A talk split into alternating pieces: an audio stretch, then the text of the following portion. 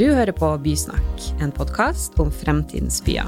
Her vil Omar Skje, Erling Fossen og faglig kommentator Maren Bjerkeng snakke med spennende gjester om trender innenfor byutvikling.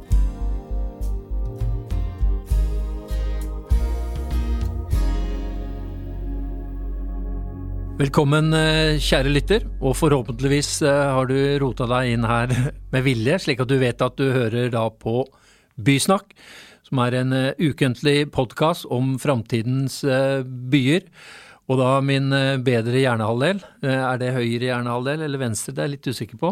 Men Maren, du drar opp det ene temaet etter det andre som peker framover, og den reisen vi nå begynner da har beveget seg inn på. Hva skal vi snakke om i dag?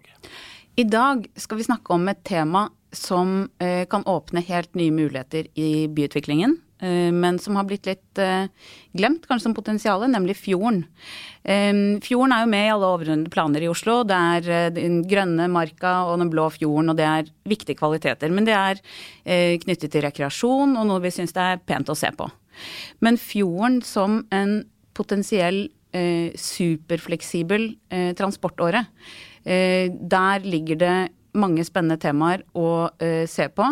Eh, det er jo mye diskusjon om mobilitet i byen, men kan man se på Oslofjorden som en utvidet del av byen? Og det kan da også kanskje åpne opp utviklingspotensialet helt nye steder. Eh, og eh, vi kan også da, i ytterste konsekvens, så betyr jo det kanskje at de regionale planene for transport bør få et helt nytt kapittel for å kunne tilrettelegge for den muligheten som ligger der. Det er interessant. Vi, mange har snakket da om mulighetene for å få en omfattende kollektivtransport til sjøs uten å lykkes. Kanskje vi da skal knekke vi skal, koden? Vi skal løse det i dag, tenker jeg. En gang for alle. Ja. Til å diskutere dette har vi da Hanna Maria van Seep som er da direktør for samfunnskontakt i Seabus, og Francis Brekke eh, i Oslo Works, eh, som er arkitektfirma, som nå også da oppretter en egen, avdeling, som, eh, eller med et eget brand i hvert fall, som heter Oceanworks, hvor man jobber da nettopp med blågrønn byutvikling. Start med deg, eh, Hanna Maria. Seabus, er det, eller hva er det, og hvorfor er det løsningen på framtidens kollektivtransport til sjøs? Godt spørsmål. Eh, det er den, det er den løsninga. Um, uh, utvikler systemdesign for autonome byferjer. Uh, og så kan en jo si ok, autonomi, hvorfor er det viktig? Hvorfor er det viktig at de kjører sjøl? Uh, for et argument mot blå mobilitet er prisen.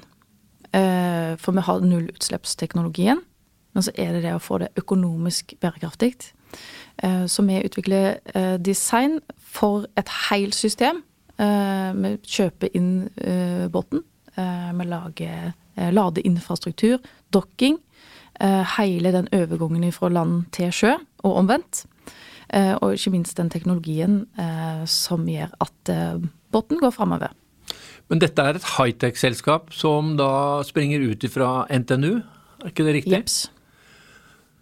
Og hvordan mener dere da Fordi eh, det er flere ting med vann som er problematisk. Det er jo friksjonen. Eh, når du også skal eh, ha transport inne i havna, så er det vel maksgrense på fem knop, eller hva det er. Befolkningen er jo ikke da knytta i klynger langs med fergeanløpet, bortsett fra på Nesodden kanskje. Så hvordan skal man da knekke det bare med å si at bare vi får da el, elbusser til sjøs, og, og det er førerløse, så er jo ikke det tilstrekkelig betingelse. Helt enige. Eh, vi må jobbe videre med den overgangen fra landtransportsystemet til vanntransportsystemet. Eh, og der er det mange muligheter, fordi at f.eks. hvis du ser på eh, plasseringa i Oslo, eh, Vestbanen og Østbanen er jo ikke helt tilfeldig eh, plassert ved to ulike havneknutepunkt. Eh, det er jo 300-400 meter til Oslo S eh, fra sjøen, og det er enda mindre til, til, til den gamle eh, Vestbanen. Eh, sånn at en har jo fått det til før. En har jo Det er jo vår eldste infrastruktur som vi har, eh, som vi har brukt i så eh, mange ulike former, så mange ulike urbane strukturer. Så jeg er sikker på at vi klarer å få det til. Uh, igjen, det beror bare på om vi klarer å legge til rette for syklende og gående. Det er de myke, den myke mobiliteten uh, som må prioriteres uh, på vei ned der. Mm. og dere Ja, mm, fortell. Vi må introdusere okay, Francis Brekke, for det er jo sånn at Oslo Works jobber nå på Fornebu, og ut fra det spesifikke stedet så vokser fram da tanker rundt blågrønn mobilitet.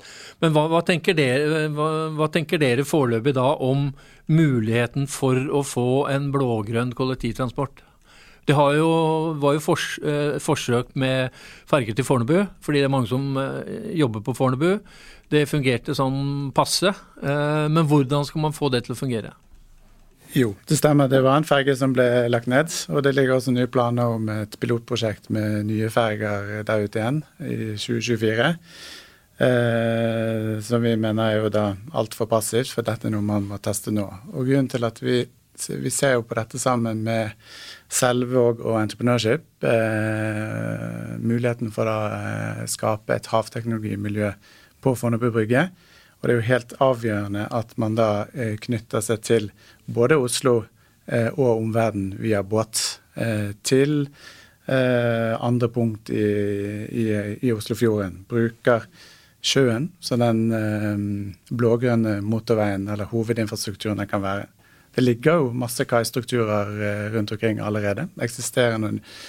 og det er relativt enkelt å anlegge nye. Og nå har vi jo Sybers her, som har hele eh, overgangen mellom eh, land og vann. Så, så vi ser jo for oss at et godt samarbeid mellom eh, det offentlige og de private vil være nøkkel for å få det til. Både de private utviklerne, fylkeskommune, stat og og kommune. Men det handler jo litt der om Du er litt inne på det med flere steder langs fjorden. ikke sant? Fordi tanken er vel ikke uh, kanskje som et førstetrinn, men at da kan man, hvis man bor et eller annet sted langs fjorden, så kan man uh, ta en buss. Men uh, poenget er vel litt å se på Det var derfor jeg var litt inne på Oslo og Akershus regionalplan også, fordi man må jo se litt på hvilke steder langs fjorden er det som er de aktuelle å koble sammen, og hvordan gjør man det? Eh, det er jo ikke sånn at man bare helt randomly skal eh, fram og tilbake fra der man eh, tilfeldigvis bor, men at man må, man må se på det som kanskje en mulighet til å lage noen nye huber som ellers ikke ville vært naturlig fordi det ikke er vei eller T-bane eller trikk. Det er jo litt det som er det spennende i det, syns jeg, da. Og så er det jo en problemstilling også knyttet til Når man tenker mobilitet i by, så er det jo hele tiden den det er mange forskjellige typer transportmidler, eh, hvordan de henger sammen, hvordan det kan fungere sømløst. Og man må jo da på en måte bygge opp Det må vel være mer enn Seabus for at det på en måte skal, det skal være en infrastruktur som er eh, bærekraftig og levedyktig, da, tenker jeg. Ja, men jeg tenker da i, eh, i Oslo så er basic at du står opp om morgenen, og så skal du da bevege deg fra A til B. Og da vil du alltid da, tenker jeg, vurdere det framkomstmiddelet som går eh, fortest. Mm. Eh, for noen er det bil. Eh, for mange som bor i Oslo er det T-bane. For noen er det buss. Men da tenker jeg På Nesodden så har man jo et fergesystem som fungerer. Og så har man da et ekspressbussystem som sluser alle ned til ferja. Men der har du da en topografisk eh, hinder, fordi det er da en spiss som gjør at skal du kjøre rundt, så tar det faktisk eh, lengre tid enn om du tar buss, ferge. Mm. Og det er ingen som kommer til å ta ferge hvis du kommer deg fortere fra A til B på en annen måte. Det er liksom bil, bilfrivennlig geografi på Nesodden. Ja, det er det. Mm.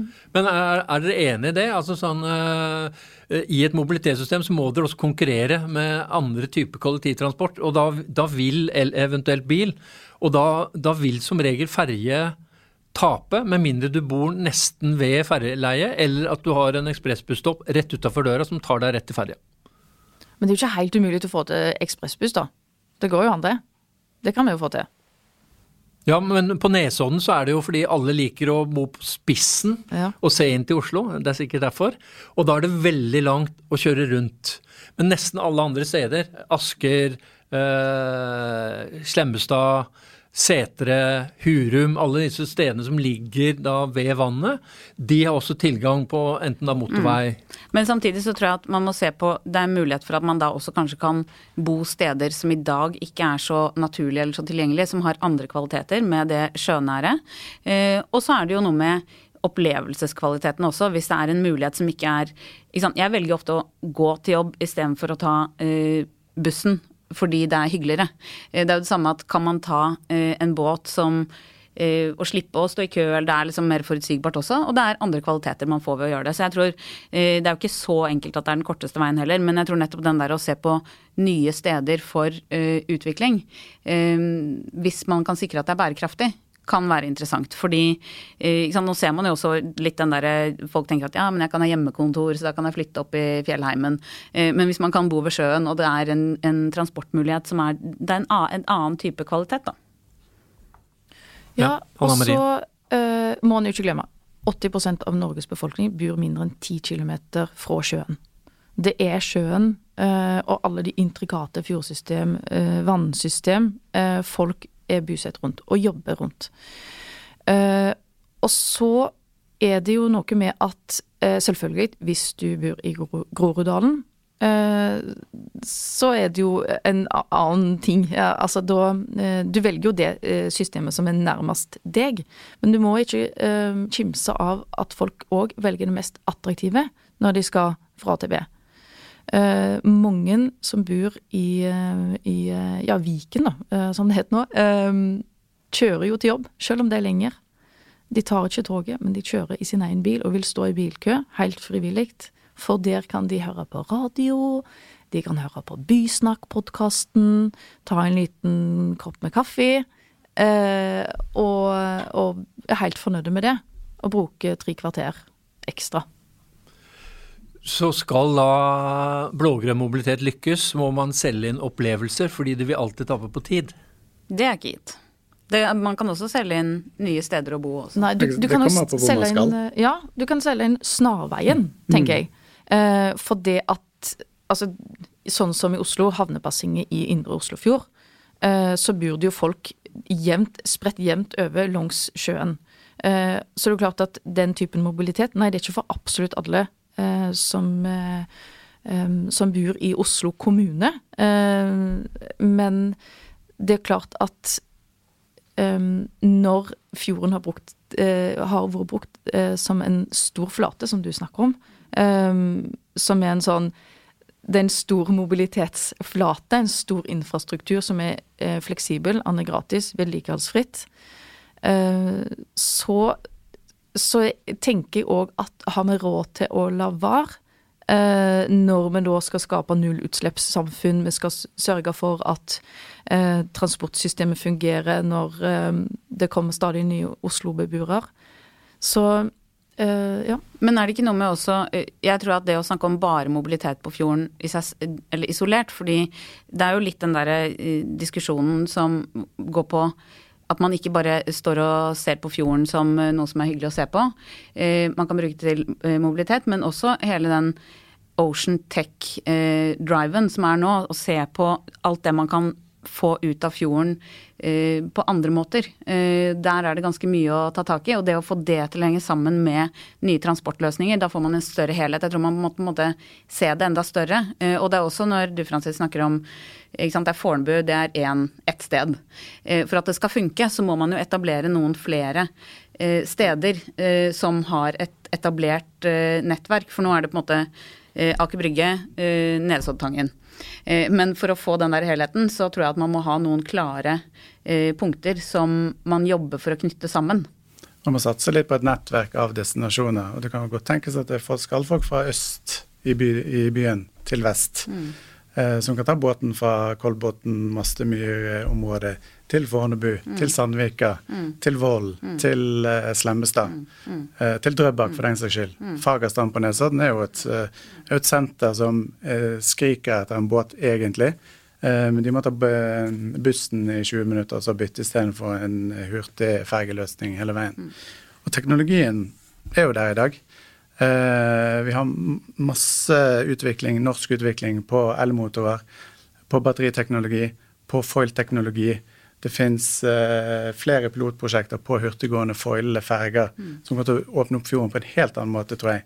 Og tiden faktisk eh, Hvor det kanskje blir raskere å reise på fjorden enn eh, en ved buss og bane.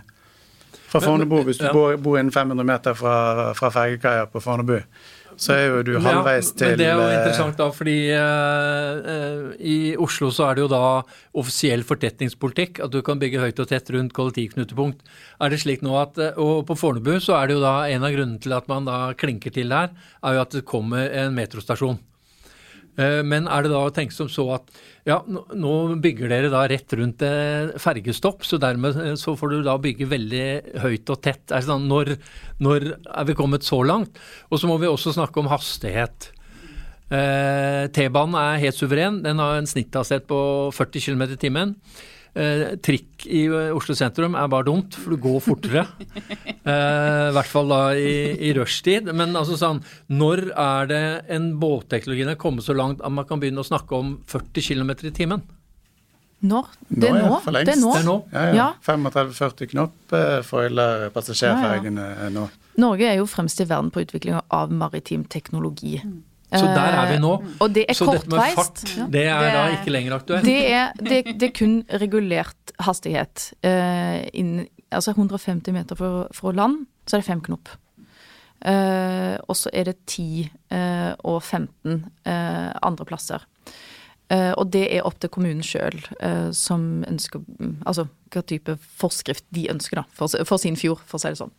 Uh, men du var litt inne på det med knutepunktutvikling. For i da sjøfartsnasjonen Norge og regional transportplan for, for Oslo og Akershus, som kom i 2015, skriver sida opp og sida ned om intercity, som er en flott, suveren 150 år gammel teknologi topp stemning. Men eh, ferjer, eh, blå mobilitet, er nevnt i to setninger. Eh, og, og, det er litt sånn derre eh, OK, teknologien fins eh, liksom 100 km herfra.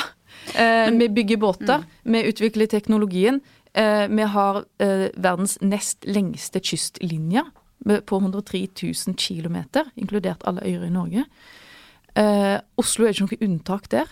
Uh, og det har jo vært et nettverk av ferjer på Oslofjorden, som pappabåtene. Eh, som da var de pendlerbåter eh, som gikk først ja, etter hvert på damp. som da hadde sitt utspring da, sin, fra både jernbanebrygger, som ligger der operaen er nå, og i tillegg ifra Aker Brygge. og der var der masse stopp. Bunnefjorden, Fagerstrand, Son, Moss, eh, Asker og hele Hurumlandet. Eh, så vi har jo fått det til. Vi har brukt det før, men de siste 60 åra så har sjøen vært en barriere. Eh, av at den, bilen har, har dominert i, i, norsk transportplanlegging og, og samferdselspolitikk. Og så skal man da øve på nullutslippssamfunnet, eh, men en har med seg den samme måten å tenke på. Uh, og det må vi endre. Mm. Men det er jo noe med det å tenke det enda større, tror jeg er nøkkelen. fordi hvis man først skal få, la oss si at man eh, skal ha det kapittelet i Oslo og Akershus regionalplan som jeg startet med, da må man jo se på dette helt overordnet på samme måte som man nå jobber med Eh, intercity, eh, nye T-banelinjer. Eh, man må liksom virkelig ta det inn over seg. Og da tror jeg man er nødt til å, til å ha, et, ha, en klar strategi på det også. fordi nå er det mange aktører som tenker på det, snakker om det. Men det er ikke den derre 'nå skal vi satse på fjorden'. Og hele mobiliteten i byutviklingsplanleggingen henger jo sammen med hvor kan man uh, raskt, uh, som du er inne på Erling, og uh, med nullutslipp komme seg fra et sted til et annet. så det å, å, se det mer helhetlig og se på jo, og hvis man nå kommer opp til den derre sømløse fra elsykkel til T-bane til trikk til internt i Oslo, så har man jo fått en enda sterkere konkurrent da, på land. Sånn at må jo, der må jo det følge på der å være eh, et like stor satsing hvis man skal få det til, tror jeg. Mm. Ja, og, og, så er det noe med det at vi kan De ulike mobilitetsformene kan komplementere. ikke konkurrere, men til sammen skape et intrikat nettverk som da uh, samla konkurrerer med, med bilen. Mm. Det tror jeg også, fordi at T-banen er jo eksepsjonell gjennom byen. Eh, men den er jo ekstremt eh, tungvint å bygge og dyr, eh, og det tar lang tid. Eh, og du er veldig låst til den byutviklingen du da har valgt. Og du får knutepunkter som egentlig bare forsterker nesten problemet, fordi du klarer ikke putte på eh, mange nok avganger og vogner til at du klarer å håndtere menneskemassen. Det var jo en, Ruta gjorde en studie på selvkjørende autonome kjøretøy i 2019 Eh, hvor liksom funnene var bl.a. at eh, de kunne redusere bilparken med 90% og eh, antall biler på veien og kjørelengden gikk ned. Men det er kombinert med altså ridesharing, at du delte kjøretøy fra A til B, og at man beholdt kollektivtransportsystem sånn som det fungerer i dag. Men det de da fant, var jo at kollektivknutepunktet var jo ikke så viktig lenger. Fordi at de supplerende Eh, tilbudene til kollektiv, til bane, eh, til buss, de gjorde at man kunne bo mye mer spredt. og Man oppdaget jo sånn sett helt andre steder man kan utvikle sted eh, og by og bo. Og det samme hvis man tenker på fjorden som en transportåre, kan jo også åpne opp for helt andre utviklinger langs kysten enn det vi, og i Oslo-regionen. Tilgjengeliggjøre helt andre områder for korte forbindelser både seg imellom og til byen. Mm. Eh, og ut av byen. Mm. Men og så er det jo et Jeg tror at eh, hvis man skal liksom løfte blikket og tenke stort, så tror jeg at et viktig aspekt for å få til dette, er jo også å spille på den som man sier at vi er ledende på teknologien. Eh, hvem er det som vet om det? Ikke sant? Eh, hvordan kan vi bli en frontrunner på at vi faktisk er dritgode på det, og gjør det og gjennomfører det. Og det har jo igjen med litt klisjé, men hva skal vi leve av etter oljen?